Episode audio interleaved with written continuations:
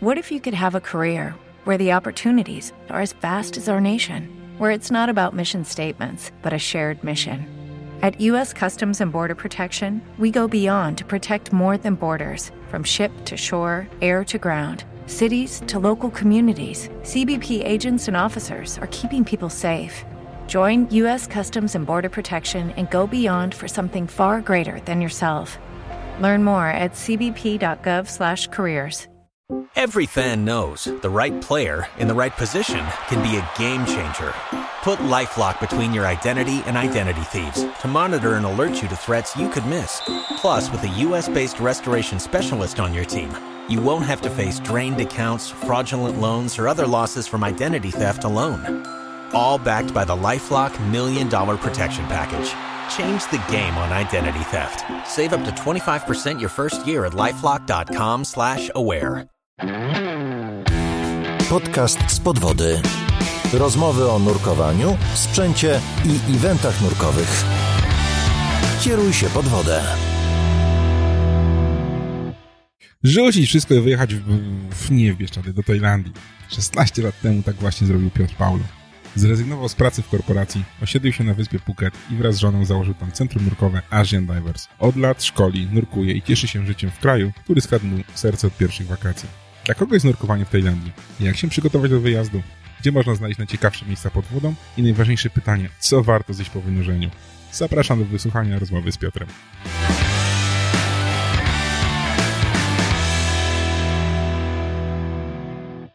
Cześć Piotrek. Cześć. Powiedz mi, gdzie ostatnio nurkowałeś? Wiesz, no tak śmiesznie może to zabrzmi, ale w deep spocie. Czyli przyjechałeś z Tajlandii, żeby znurkować w deep spocie. Ciepłe warunki. No, nie da się uciec od nurkowania. to prawda. No ja też. W ogóle takie klimaty mamy dzisiaj tropikalne. Ciepło, gorąco, parno, duszno. No nareszcie pogoda jak w domu. no właśnie. Długo siedzisz na, w Tajlandii? Wiesz co, no 17 lat. 17 lat, wow. Czyli lubisz ciepłe wody i nurkowanie w ciepłych akwenach w takim razie. Na pewno polubiłem, tak. Zaczynałem nurkowanie w zimnej, a teraz tak trochę bardziej. Właśnie my słyszeliśmy, że, że są nurkowie, co nurkowali dwa razy w zimnych wodach. Pierwszy i ostatni raz. Nie, nie, to, to, to nie aż tak. To nie aż tak, ale pamiętam, jak ostatnio nurkowałem na Zakrzówku z moim dawnym partnerem nurkowym, to po pierwszym nurkowaniu zapytał mnie, ile robimy przerwy powierzchniowej, więc powiedziałem mu, że no chyba tak za rok by pasł. Trzeba się zagrzać. Trzeba się zagrać, dokładnie tak. No właśnie, Tajlandia kojarzy nam się z ciepłym klimatem tropikalnym. Są pewnie pory suche, deszczowe.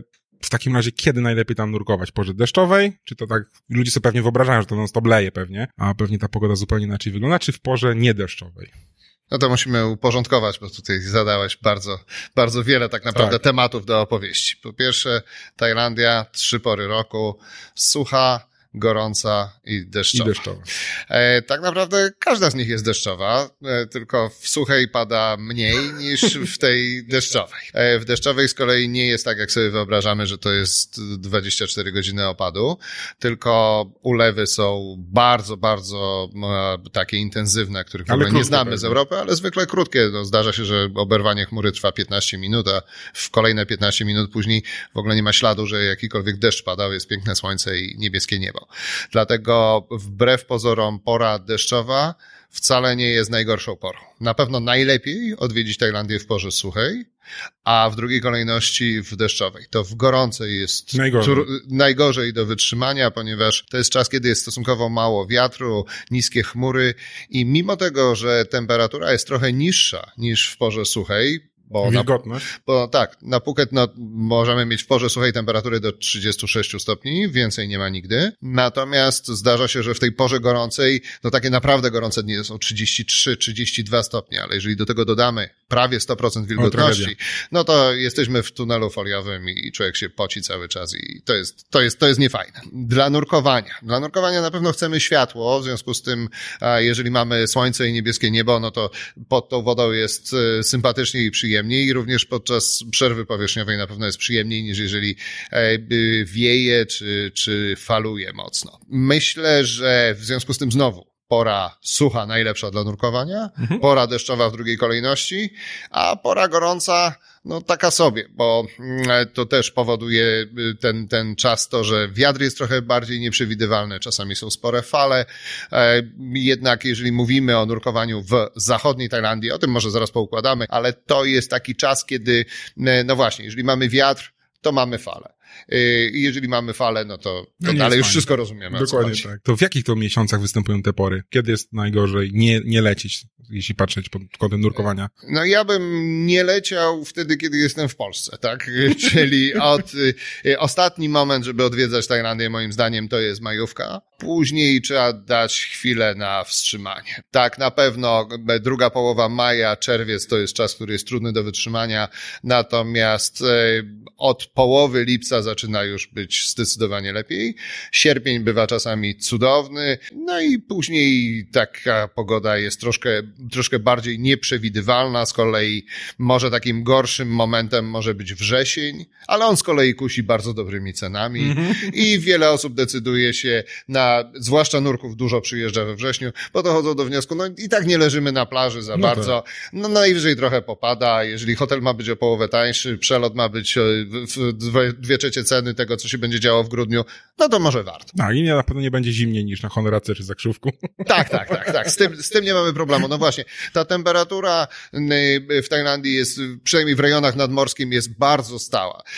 Maksymalne temperatury, które są notowane blisko morza, to jest właśnie 36 stopni, y, wyżej się nie zdarza, a minimalna temperatura w nocy, w taki już taki najzimniejszy, super, super zimny dzień, no to wiesz, tak, 20. nad ranem 24, tak się zdarza, że na moment tam liźnie, ale zaraz potem wróci troszeczkę wyżej. Tajlandczycy chodzą wtedy w kurtkach, czy jak?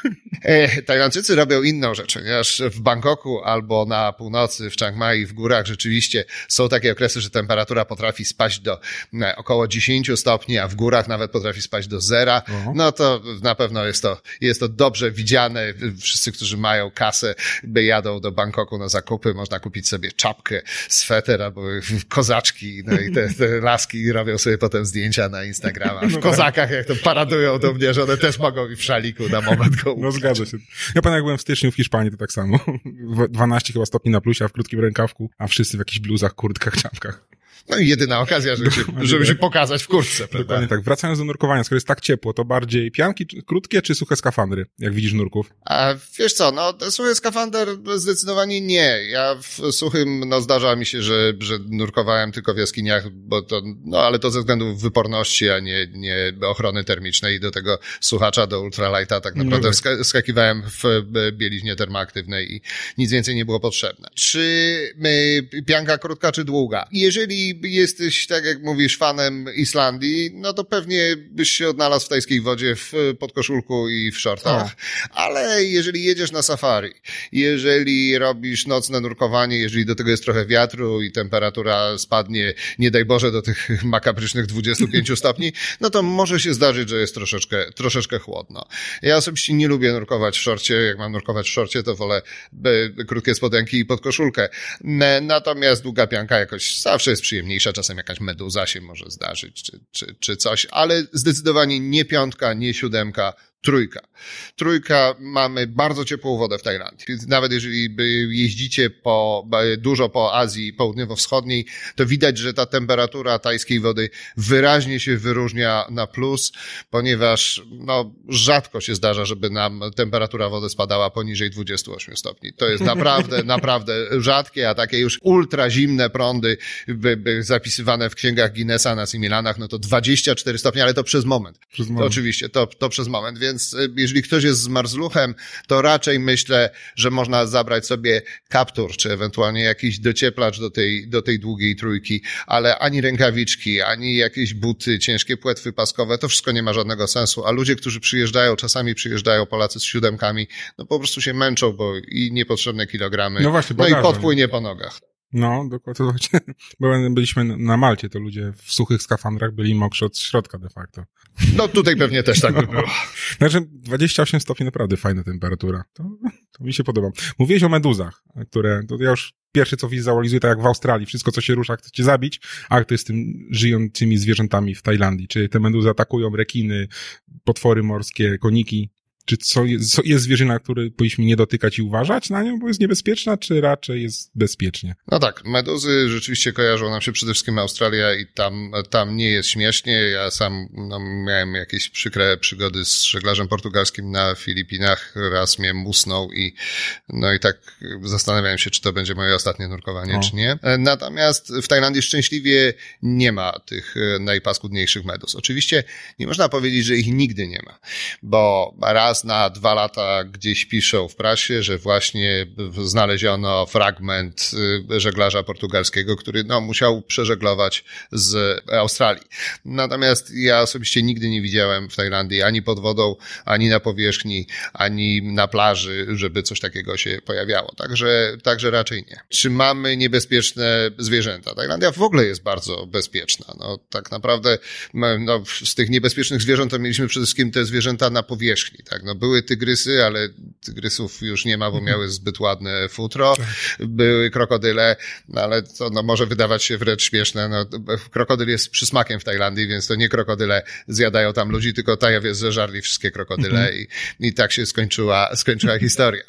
A pod wodą, e, no cóż, no, meduzy mamy, ale meduzy mamy też w Bałtyku, prawda? No, tak. jeżeli pływa spora meduza, no to każdy nurek wie, że raczej nie, nie dotykamy tej meduzy, podobnie jak i innych zwierząt, bo, bo diabli wiedzą, co tam się stanie. Natomiast e, są takie momenty, przypominam sobie, że pojawiają się młode meduski i to jest coś, co wiele osób na to, e, na to narzeka, bo to jest kilka tygodni takich w ciągu roku, kiedy one rzeczywiście się wykluwają z jakiejś takiej ikropodobnej galarety e, i to jest coś, co jeżeli masz krótką piankę albo pływasz na powierzchni morza, to czujesz, że coś cię dotyka. No i, Nieprzyjemne i, takie. Tak, no ja nie lubię, jak mnie coś dotyka i nie wiem, co to jest, tak? No jak w glony wpaść na Bałtyku pewnie. No pewnie tak. Dokładnie. Pewnie tak. Możemy tak na to, tak na to popatrzeć. Z kolei, no, gama podwodnego życia bardzo fajna. Zawsze mówię, że Tajlandia, e, zależy do czego ją będziemy porównywać. Jeżeli porównujemy do Egiptu, e, przejrzystość wody zwykle gorsza, w niektórych okay. miejscach znacząco gorsza.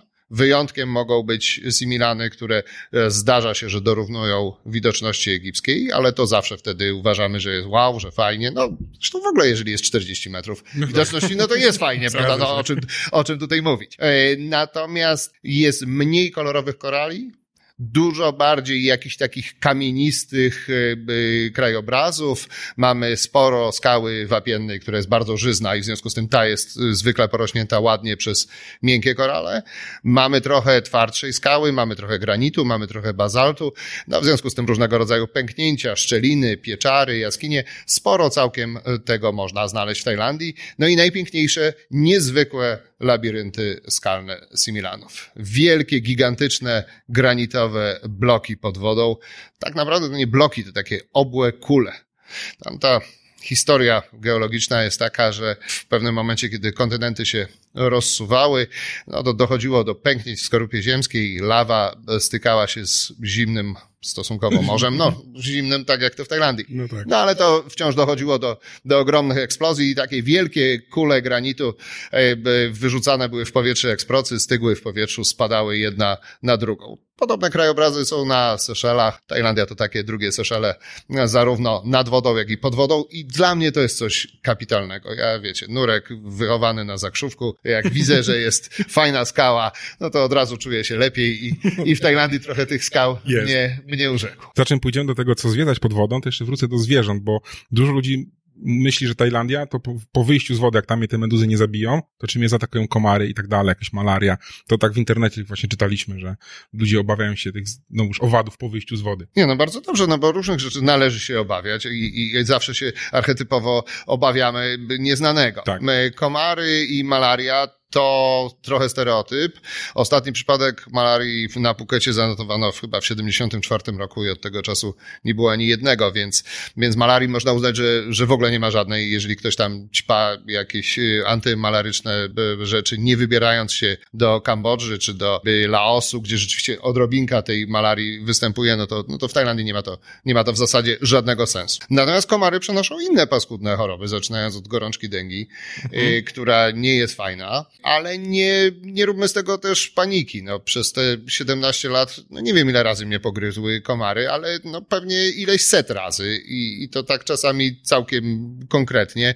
Nigdy mi się nic nie stało. Urodziło mi się dwoje dzieci w Tajlandii, też nigdy nie miały dengi. Natomiast y, Gośka, y, no miała dwa razy, tak? Wśród naszych klientów, no pewnie wiele tysięcy ich do nas przyjechało przez te lata.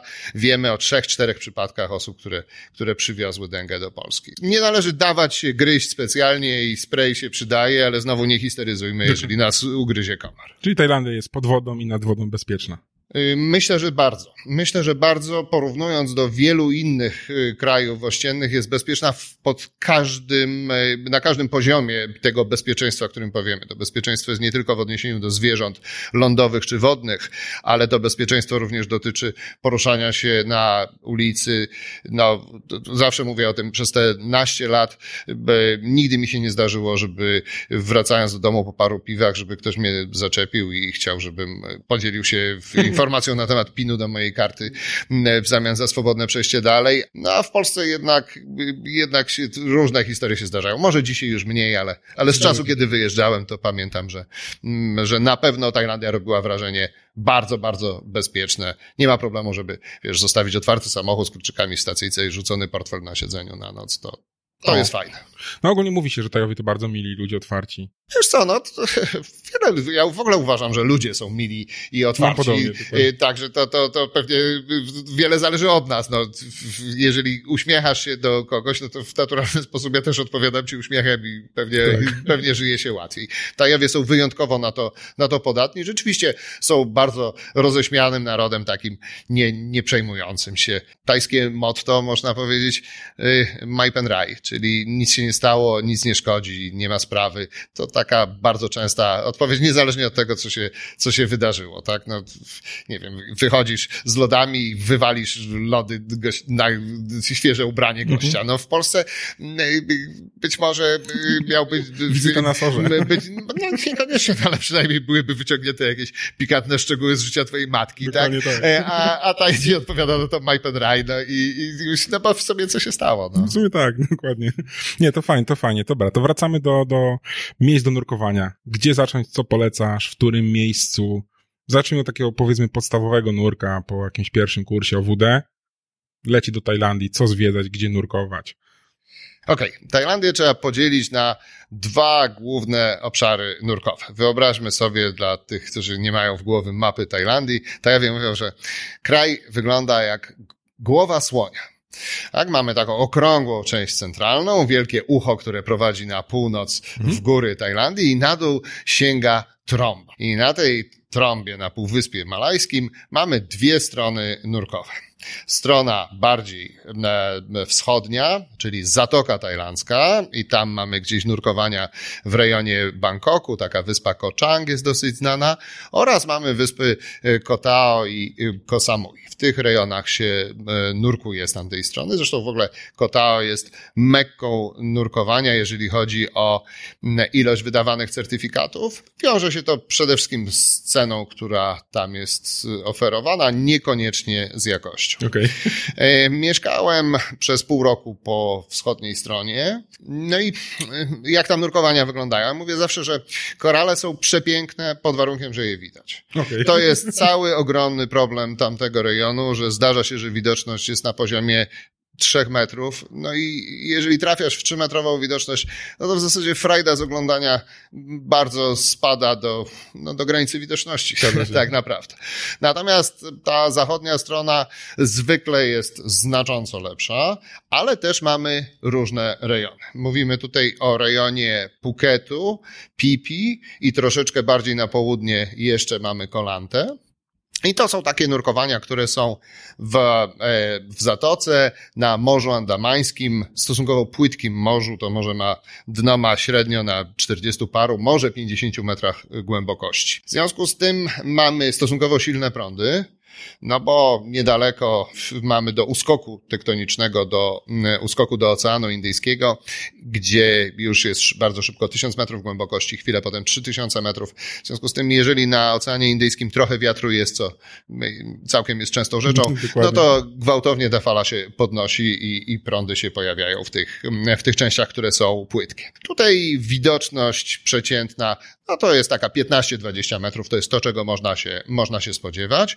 20 to już jest zdecydowanie, zdecydowanie dobrze. Czasami bywa więcej, ale może się też zdarzyć, że tych metrów jest 10, 7.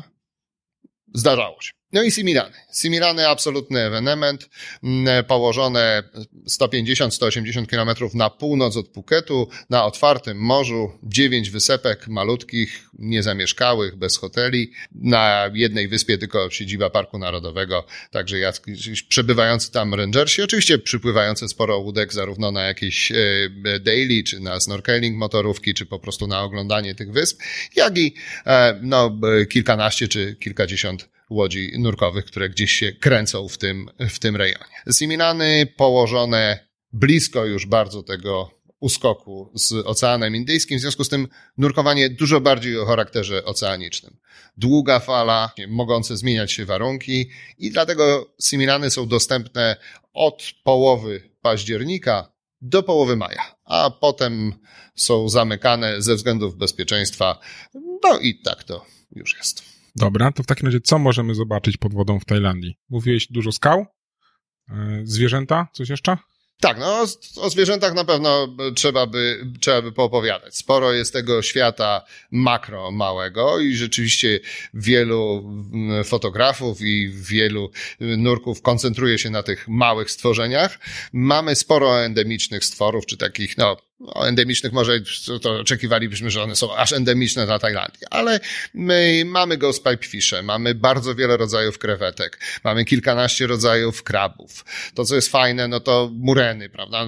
Murena koja kojarzona z Egiptu, no była murena, tak. prawda? Taka wielka średnica męskiego uda, to mhm. jest, to jest potężna murena. No, u nas tych muren mamy siedem czy osiem y, rodzajów, tak? Podobnie z rybką Nemo, więc tego, y, tego życia jest, jest bardzo dużo, no, źródła naukowe podają, że w ogóle Tajlandia ma, w Tajlandii mieszka 10% wszystkich zwierząt y, żyjących na, na świecie i to zarówno nadwodnych, jak i, jak i podwodnych. Więc tego, tych stworów jest bardzo dużo, ślimaków mnóstwo, także tych stworów maleńkich raj.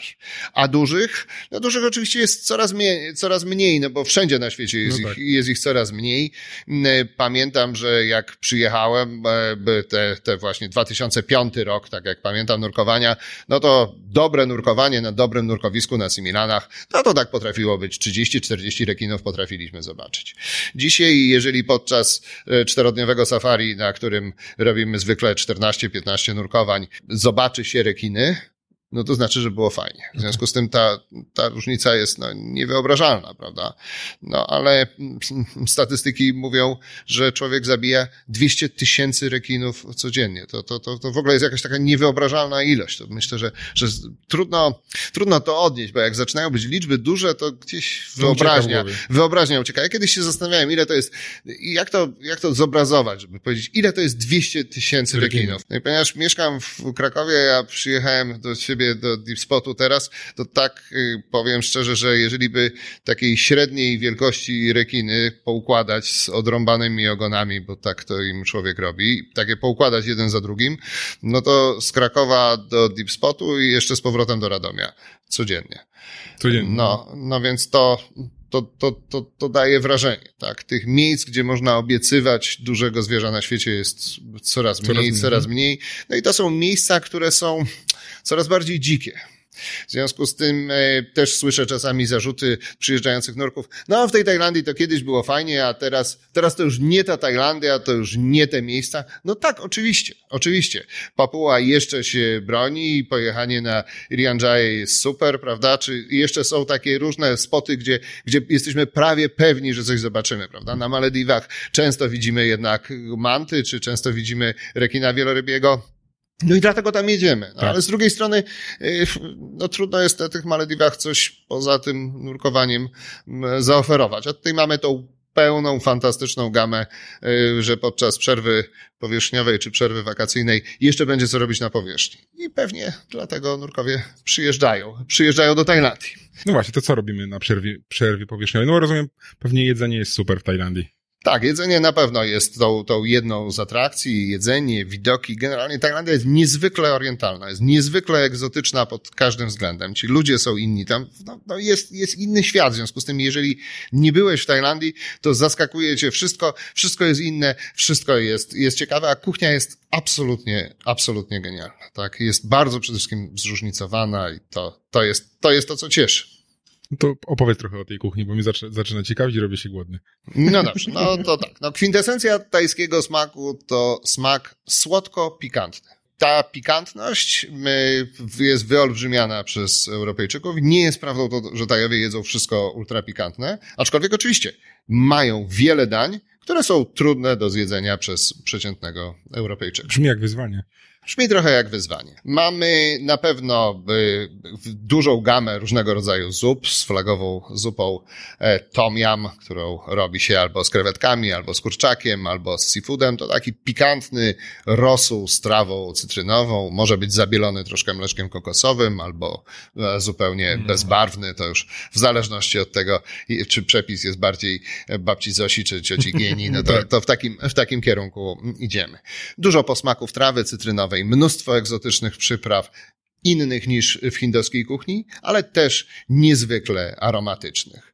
No a w, w to, co możemy znaleźć z e, dań bardziej stałych, no to, to też cała plejada, prawda? Świetny, fantastyczny seafood. Myślę, że mamy dobre krewetki, aczkolwiek dobre krewetki można zjeść w różnych miejscach na świecie, ale wydaje mi się, że w Tajlandii są jedne z najlepszych kalmarów na świecie. Zawsze kruche, świetnie przyrządzone, mm -hmm. niegumowate. Oczywiście na tysiąc sposobów, albo mogą być w sosie, albo w panierce, albo albo po prostu z grilla. No tego seafoodu mamy, mamy sporo, różne jakieś przegrzebki, prawda, czy Małże Świętego Jakuba tak. inaczej, prawda, no dużo takich modnych jakichś, jakichś stworów ciekawych, to wszystko tam, tego mamy właśnie pełno w morzu, w związku z tym mm, to jest, to jest dostępne. Ale wiesz, wieprzowinka w małych kawałeczkach, przesmażona z czosneczkiem, no, broni się, broni się sama i dobrze, dobrze się komponuje z tajskim piwem, które też jakieś, jest zupełnie pijalne. A jakieś owoce?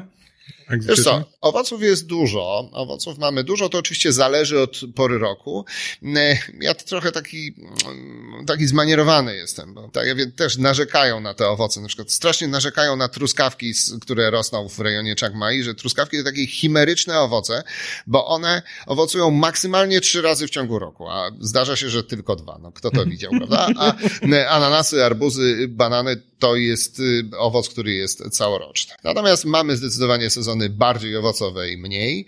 Niestety ta pora, kiedy najchętniej Polacy przyjeżdżają, czyli grudzień, styczeń, luty, to jest czas stosunkowo mało owocowy w rozumieniu Tajów, no ale wiesz, no, mamy ileś odmian mango, które jest tak cudownie dojrzałe, że może albo rozpływać się w ustach, albo jeszcze zielone mango może być utarte na sałatkę, ubite w moździerzu, tak jak u nas ubija się kapustę, żeby puściła sok, tam z -hmm. różnego rodzaju dodatkami, sosem e, rybnym, tu dodane trochę miodu, tu suszona krewetka, e, tu odrobina chili, czosnek, no i w ten sposób powstaje sałatka z somtam, która na pewno powinna Ci się spodobać jako przystaweczka. Mam nadzieję, że zachęciliśmy do wyjazdu do Tajlandii osoby też nie nurkujące z tymi nurkami. Jak nie będą nurkować, to pójdą sobie spróbować pysznej kuchni w takim razie. Tak, oczywiście, tak się, tak się czasami dzieje, chociaż muszę powiedzieć, że nie, grupy, które mamy z centrów nurkowych z Polski przyjeżdżające do nas, no zawsze jest ich ileś w ciągu, w ciągu roku. Zwykle jednak nawet osoby nie nurkujące jadą na Similany, nie nudzą się tam, bo ten krajobraz jest, jest przepiękny.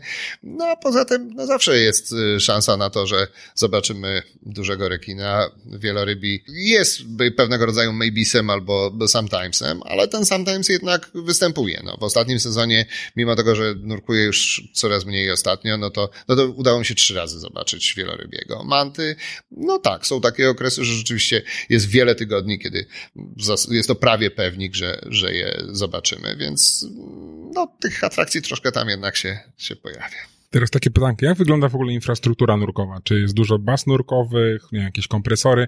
No bo jak rozmawialiśmy wcześniej z koleżanką na temat Malediwu, tam praktycznie każdy hotel ma kompresor swoim, w swoim hotelu, można sobie doładować butle. Jak to wygląda w Tajlandii? Czy lepiej jechać w jakimś centrum nurkowym, czy tak wolny strzelec też znajdzie dla siebie możliwość. No, w zasadzie nie da się nurkować bez y, centrum nurkowego. No, niepisane porozumienie centrów nurkowych na Pukecie, o tym najwięcej mogę powiedzieć. Jest y, 100, chyba 60 zarejestrowanych centrów nurkowych. W związku z tym na mojej maleńkiej uliczce, gdzie mamy nasze biuro, no jest chyba z 10 centrów nurkowych tuż obok siebie. To no, niepisana umowa mówi taka, że nie wypożycza się sprzętu. Tak, jeżeli chcesz pożyczyć jacket, to nikt ci go nie pożyczy do ręki. Tak, jacket dostaniesz, ale na łódce oczywiście, mhm. o pożyczeniu butli, no raczej też, też nie ma mowy. To nie są, to nie są proste rzeczy. Zresztą nie ma to głębszego sensu, bo nurkowanie z brzegu tylko na pipi może zadowolić takich bardzo, bardzo początkujących nurków, natomiast resztę organizuje się z łodzi. No i właśnie tak to wygląda, że o ile na świecie bardzo częstym standardem jest to, że centrum nurkowe posiada swoją łódkę, czasami małą, ale jakiś tam kompresor, jakieś butle Dokładnie, tak. I, i, i tak to funkcjonuje. To na Phuket jest inaczej. Na Phuket mamy iluś operatorów, którzy posiadają łodzie. Ci więksi posiadają nawet wiele łodzi.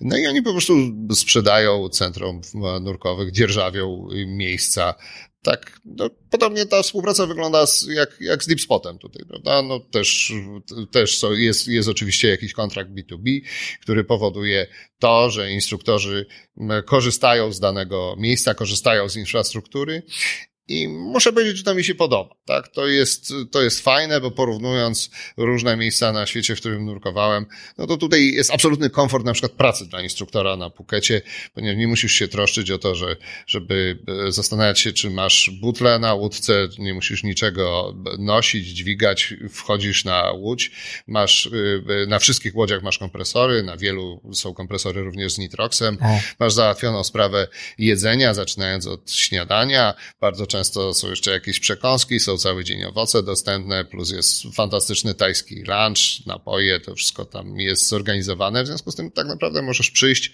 i koncentrować się na szkoleniu czy na opowiadaniu o podwodnym życiu. Super, czyli większość nurkowań w takim razie jest z Łodzi odbywa się. Tak, myślę, że w, możemy powiedzieć, że w pewnym przybliżeniu 100% nurkowań w Tajlandii to jest, to jest Łódź. Okej. Okay. I co? Jakie głębokości? Tak, żeby coś fajnego zobaczyć? Średnia głębokość?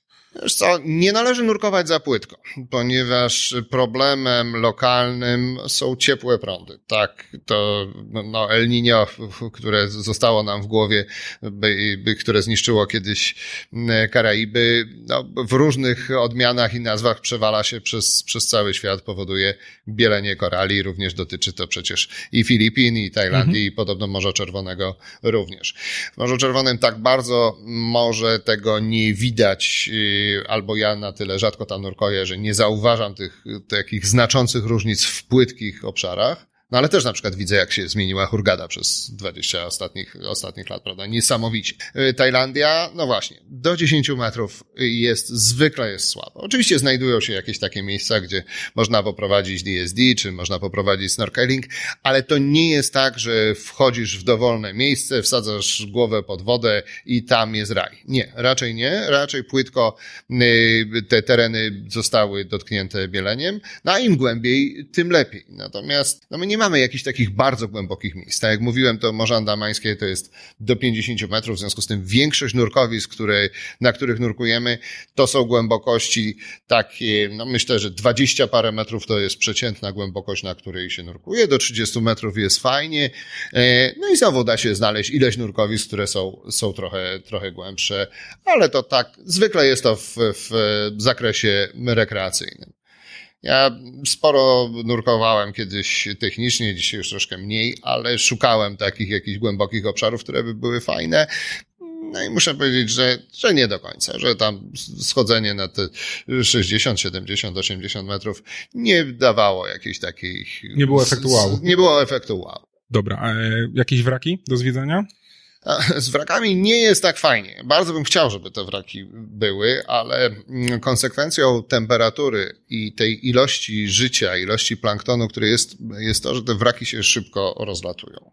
Koło Phuket mieliśmy bardzo fajny wrak promu pasażerskiego, taki katamaran 85 metrów długi, 24 metry Duży. szeroki, 20 metrów wysoki, no więc to kawał żelaza tam był, cudownie można było nurkować. No i oglądam ten wrak, no jak on przez te 17 y, lat z fajnego wraku z miejscem, gdzie można było robić fantastyczne, ciasne penetracje na dwóch poziomach w tych, w tych pływakach.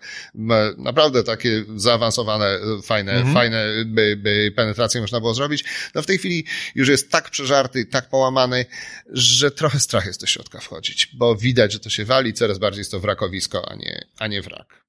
Pamiętam inny wrak y, przewożący wielkie bele y, tekowego drewna, który zatonął, a nawet nie pamiętam kiedy to było dokładnie, ale naście lat temu i przez 4-5 lat na nim się fajnie nurkowało. Rzeczywiście były to ogromne ładownie, wielkie przestrzenie i te wielkie, gigantyczne kłody drewna robiły wrażenie. No i on się kompletnie rozleciał już go, już go nie ma, już, już nie ma na czym nurkować. W związku z tym ten proces dewastacji tam zachodzi, zachodzi bardzo szybko w Tajlandii. Czyli nastawiamy się na skały i na zwierzątka. Nastawiamy się na skały, nastawiamy się na fajne korale, ciekawe, nastawiamy się na bardzo dużą dywersyfikację życia, życia podwodnego. To jest to przede wszystkim, co chcemy zobaczyć. A jakieś jaskinie, kawerny?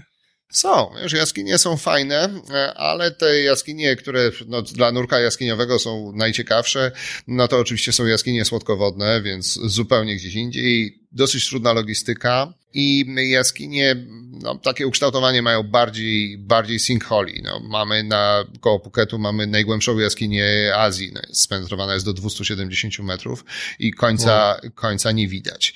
Ja tam sporo po, ponurkowałem w tych jaskiniach, kocham jaskinie, szkoliłem tam jaskiniowo wiele osób i e, no, do tego celu jak najbardziej się nadaje, aczkolwiek no, to nie są jaskinie porównywalne do cenotów, gdzie mamy świetne, poziome rozwinięcie, tylko te te raczej szybko, głęboko spadają, więc to są głębokie nurkowania, trudne, czasami z y, słabą widocznością, no ale bardzo inne. Jak już byśmy się wybierali na Tajlandię, to na jak długi okres polecasz? Czy na tydzień, dwa tygodnie, tak żeby zażyć i jedzenia, i kultury, i ponurkować? Wiesz co, myślę, że przyjeżdżanie na tydzień to błąd, bo Problemem jest jednak jetlag ze zmianą czasową. Połowę pod... stracimy na tak, i ogarnięcie tak, się. Weźmy pod uwagę to, że no, jednak jeżeli lecimy z przesiadką, a musimy lecieć z przesiadką, poza jakimiś wyjątkowymi czarterowymi lotami organizowanymi przez, przez Rainbow czy przez Itakę, no to jeden dzień to jest lot w jedną stronę, e, potem trzeba odpocząć kolejny dzień, no i trzeci dzień jest na powrót. No więc jeżeli odejmiemy z siedmiu dni trzy, tak. no to, to,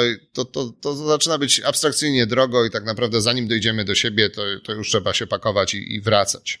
E, myślę nawet, że jest spora różnica i zawsze namawiam grupy, jeżeli ktoś mi mówi, że chce przylecieć na dwa tygodnie, bo to taki najczęstszy mhm. Y, y, y, układ, że tyle mamy dni wolnego, no to z wieloma polskimi centrami dochodzimy do wniosku, że te 14 dni można zamienić na 16, dodając jeszcze jeden weekend i że jest sens, żeby wylatywać w piątek wieczorem na przykład z Warszawy, no tak. i, a wrócić w niedzielę koło południa, żeby się ogarnąć. Tak, no. I, I te dodatkowe, dodatkowe dni w ten sposób da się złapać. To ma sens.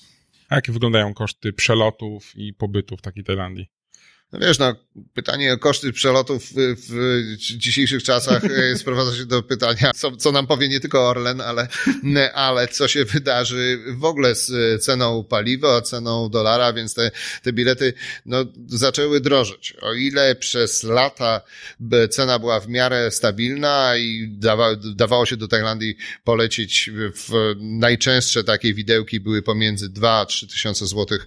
Bardzo dużo takich lotów udawało się, się kupić kupić, no to w tej chwili coraz bardziej to jest 4-5 y, y, i w tym kierunku to idzie. To zdecydowanie le lecieć na dłużej, jak już się tyle wyda. Na pewno tak, na pewno A tak. jak wyglądają koszta sobie życia, pójścia na miasto po nurkowaniu? Drogo tam jest, czy nie? E, Tajlandia nie jest tania.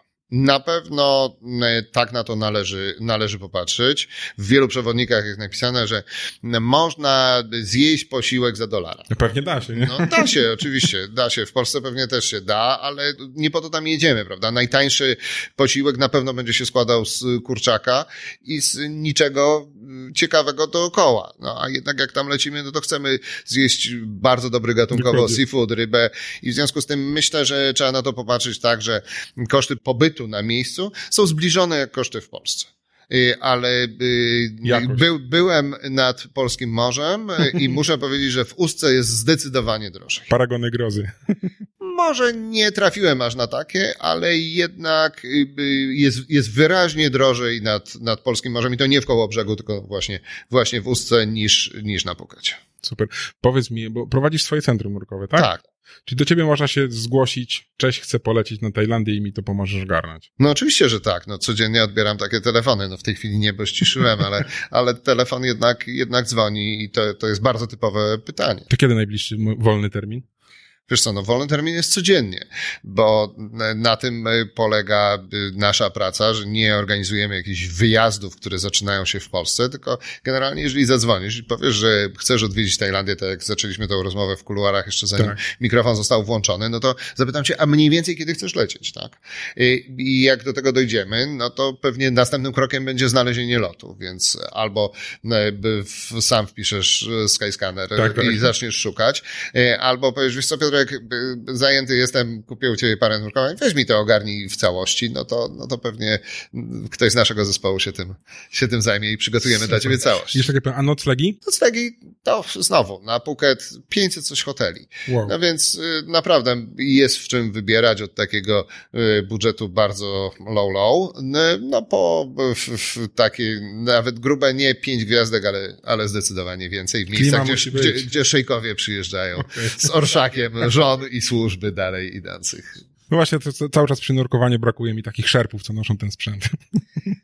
Wiesz, no, powiem, że to takie zawsze jest dyskusyjne, czy to, czy to jest fajne, czy nie. Nigdy nie zapomnę mojego pierwszego pobytu gdzieś tam na Bali w Tulamben, jak widziałem te dwunastoletnie dziewczynki noszące, noszące butle, to, to, to, to, No to tak. jednak odcisnęło mi się i chyba, chyba wolę nosić sam. A właśnie, wracając do butli, nurkowanie na pojedynczej butli, czy twinsety bardziej? Wiesz co, to zależy jaka jest, jaka jest grupa, no bo zdarzają się grupy takie, które uważają, że trzeba nurkować z Twinem, bo, no bo w ogóle nurkują całe życie, życie z Twinem i no i wtedy oczywiście, no da się tak to, da się tak to zrobić. Aczkolwiek już, jeżeli mają być dwie butle, to wydaje mi się, że wygodniej jest side mount y, zapiąć, jeżeli, jeżeli nurkujemy z łodzi, niż, niż dźwigać tego Twina. Ale gro nurkuje z singlem. Dwunastki, piętnastki.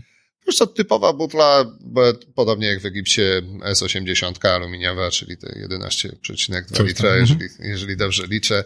E, No, albo, albo 15, tak? A jakiś sylwester na Tajlandii? No tak, to oczywiście, że tak. To, Nurkowanie w stroju świętego Mikołaja? Mm, Wiesz co, my może nie nurkujemy w strojach świętego Mikołaja, ale zawsze mamy bardzo, bardzo wiele osób, które przyjeżdża w tym okresie sylwestrowym. Część osób e, chce spędzać, e, nowy, witać nowy rok właśnie na Similanach, na safari.